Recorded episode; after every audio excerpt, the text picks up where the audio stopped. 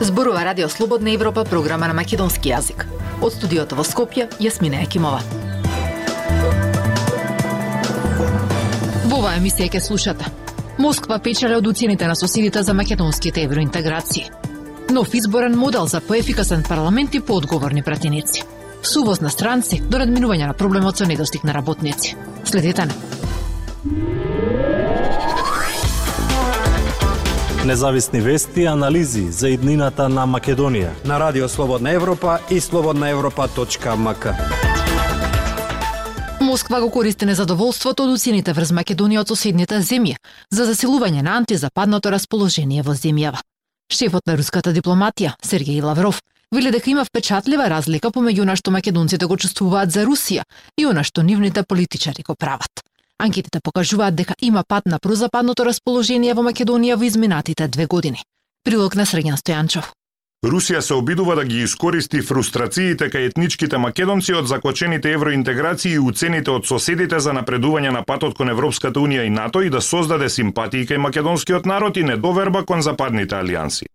Шефот на руската дипломатија Сергеј Лавров пред неколку дена рече дека Европската Унија и НАТО се обидуваат да ги претворат Северна Македонија и Црнагора во инструменти на антируската игра и оти има впечатлива разлика помеѓу она што црногорците и македонците го чувствуваат за Русија и она што што нивните политичари го прават под принуда од Брисел, Европската Унија и НАТО. Лавров вели дека земјава го промени името во Северна Македонија за да влезе во Европската Унија, но не беше примена и нема да биде примена во скоро време. Тој исто така рече дека признавањето на автокефалноста на Македонската православна црква од Српската православна црква била мудра одлука. Министерството за надворешни работи реагира дека Лавров манипулира со верските чувства на православните верници во нашата држава за промовирање на своите геополитички ставови и оти во земјава постои силно меѓуетничко и надпартиско единство за членство во Европската Унија. Истражувањата на јавното мислење во Македонија сепак покажуваат дека прорускиот сентимент не е многу изразен во македонското општество, но оти има раст на антизападното расположение. Поранешниот амбасадор Нано Ружим подсетува на изјавата на поранешниот американски државен секретар Џон Кери од 2015 година дека балканските земји, меѓу кои и Македонија, се на линијата на огнот меѓу Москва и Вашингтон и во тој контекст ја гледа изјавата на Лавров. Русија е исто така држава која има доста значени аналитичари и те знаат дека во услови на криза, било тоа дека економска, социјална, политичка и така натаму, секогаш треба да им се даде поддршка на оние кои што се незадоволни. Сепак, овие, би рекол, руски играње со, со психологијата на народот, се повеќе реторички отколку вистински. За засилување на евроскептицизмот во земјава во неколку наврати зборува и председателот Стево Пендаровски. На панел дискусија минатиот месец тој рече дека евроскептицизмот е во значаен пораст во регионот на Западен Балкан, како и дека во наредните години ќе биде многу тешко со ваков евроскептицизам. Според анкетата на Американскиот меѓународен републикански институт спроведена во јануари и февруари годинава, објавена минатиот месец, во изминативе две години се намалиле прозападните чувства на македонските граѓани.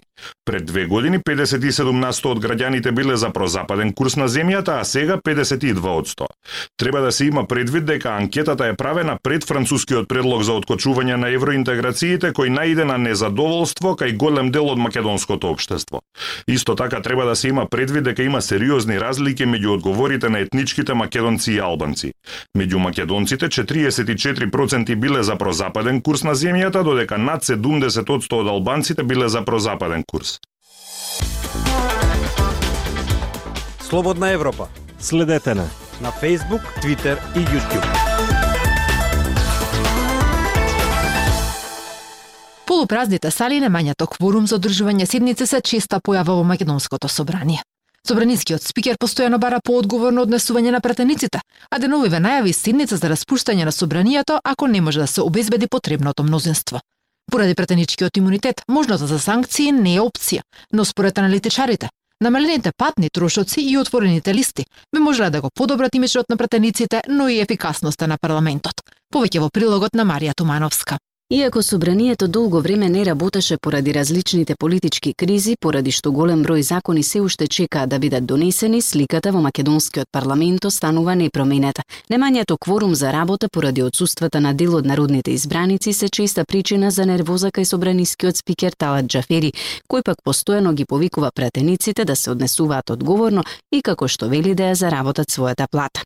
Од Институтот за демократија Социјета Цивилис велат дека пратениците не смеат да си дозволат отсутства и напротив треба максимално да се вложат за да не трпи законодавниот процес. Втора димензија е дека патните трошоци конечно мора да се редуцираат и регулираат поригорозно, бидејќи се главната основа на злоупотреба од страна на пратениците и нивното присуство во собранијата.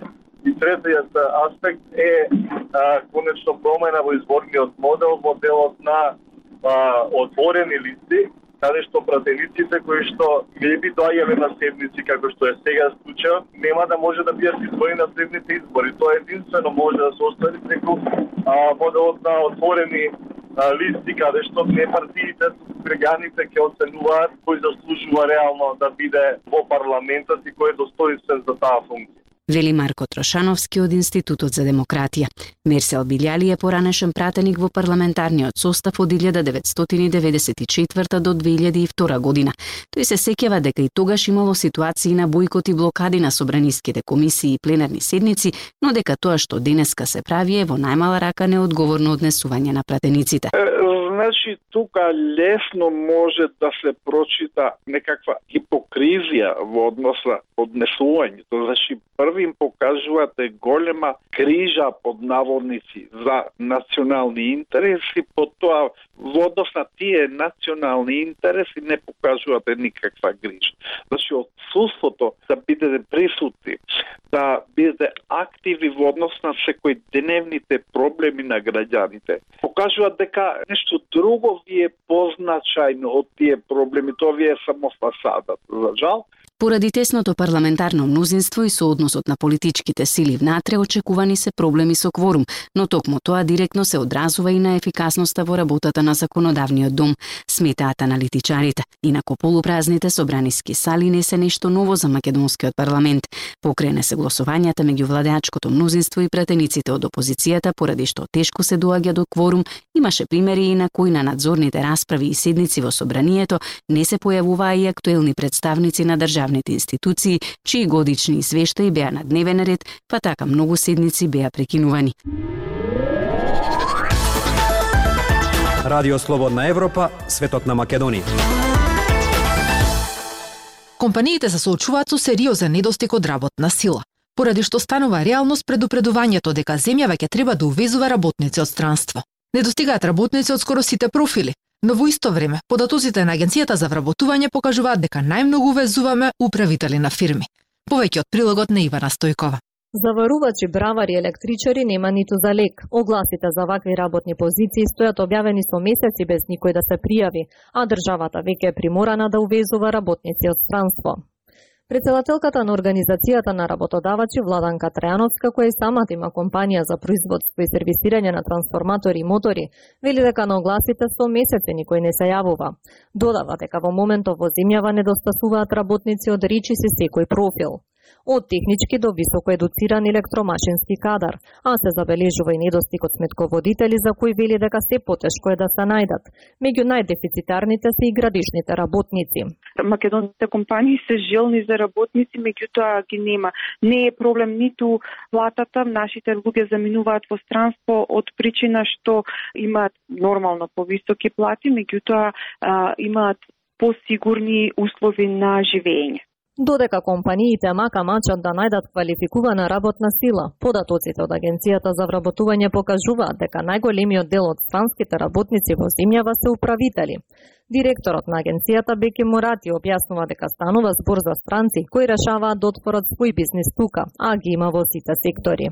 Според нашите податоци што ги има Агенцијата за, за вработување, според е, мислењата што ги имаме е, додадено до сега, 1718 е, варања се е позитивни, така да се претежно работници во градежниот е, сектор, понатаму управители, како што реков, има од обични работници па се до квалификувани и оснивачи кои Решава да основа своја фирма во Република Северна Македонија. Што се однесува до потеклото на земјите, директорот вели дека странските работници претежно се од Турција како и од соседните земји Србија, Косово и Албанија. Председателката на Организацијата на работодавачи вели дека изненадена што токму управители се најголемиот дел од странски државјани кои се ангажирани во земјава, но предпоставува дека тоа се должи на одредени бенефиции што се нудат како странски инвестиции. Во меѓувреме вели дека македонските компании, вклучително и низината, се приморани да размислуваат за работници од странство веќе размислуваме да ангажираме луѓе.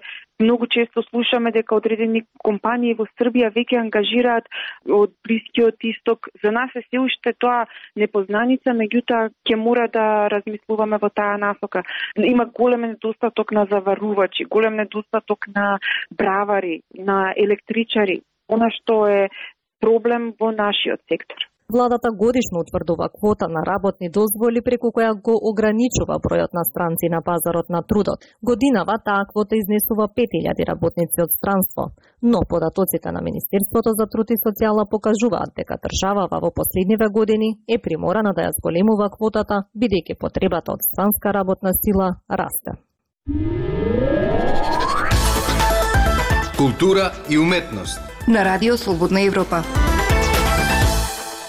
својата петта деценија творештво македонскиот уметник Ангел Димовски Чауш ја одбележа со голема ретроспективна изложба што се одржа во Ману и неодамна со добиената награда за најдобра скулптура Бороми Трикевски, што му ја додали Друштвото на ликовни уметници на Македонија. Деталите од прилогот на Љупчо Јолевски.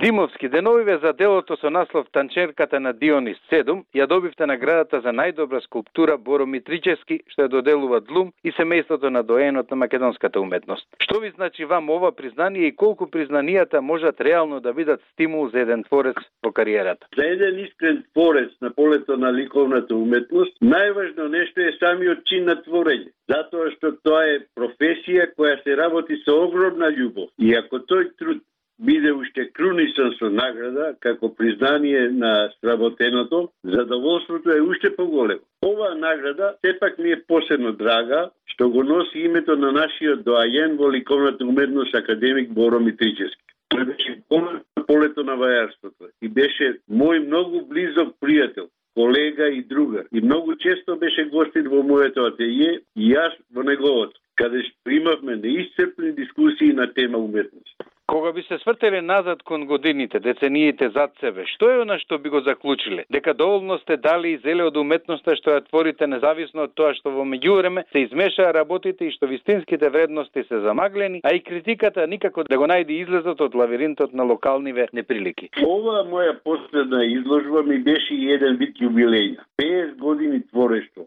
кога ќе се навратам наназад во тие пет децени, ќе се забележи голема творечка активност и максимална посветеност кон уметноста. Реализирани многу дела, многу изложби, добиени многу признанија и награди. Секогаш сум сакал повеќе да дадам, отколку да земам од уметноста. Сум бил задоволен од тоа што уметноста ми дава мир и спокој во душата и тоа ми било сосема доволно. За жал, ова време, не време што го живееме, поместени се сите критериуми на вредности. Па така што не знам колку реално се валоризира целокупниот труд од публиката и критиката.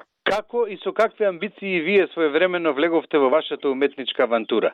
Што е Ангел Димовски Чауш? Скулптор, сликар или творец кој сака во различни медиуми и со различни техники да ги побара вистините за да ги изрази емоциите, да ја живее уметноста во незината суштина. За мене уметноста е магија и кога влегов во светот на уметноста бев заслепен и занесен од таа магија. Во уметноста не влегов со некои големи амбиции, освен тоа да бидам во центарот на магијата и и да живеам во тој магичен свет. Не сакам визуелната уметност да ја делам на вејарство или сликарство. Јас сум едноставно творец во уметноста кој ги користи сите расположиви медиуми. Така што јас сум скулптор, сликар и графичар, а понекогаш све заедно. Понекогаш правам спој од сите наведени дисциплини посебно во моите творби, слики и објекти, каде што скулптурата и сликарството се испеплетуваат.